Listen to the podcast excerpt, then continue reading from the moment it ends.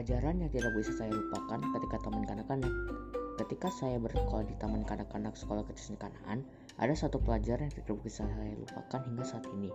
Pada saat saya duduk di kelas TKB sebelum pulang sekolah, biasanya murid-murid diberi pekerjaan rumah agar besoknya bisa dikumpul ke wali kelas untuk dinilai.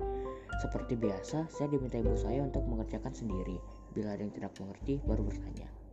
Pekerjaan rumah yang diberikan adalah pelajaran bahasa Indonesia untuk mengisi titik-titik dari pertanyaan yang diberikan.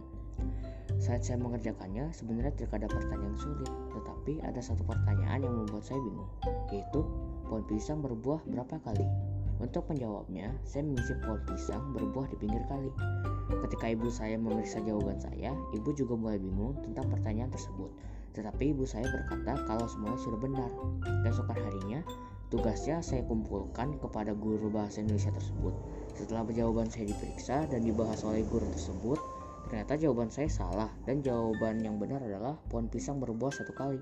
Dan rupanya pelajaran tersebut sudah dibahas di pertemuan sebelumnya, kata ibu guru tersebut. Dari kejadian tersebut, saya baru tahu kalau pohon pisang hanya berbuah satu kali dan tidak seperti buah-buahan pada umumnya yang dapat berbuah berkali-kali.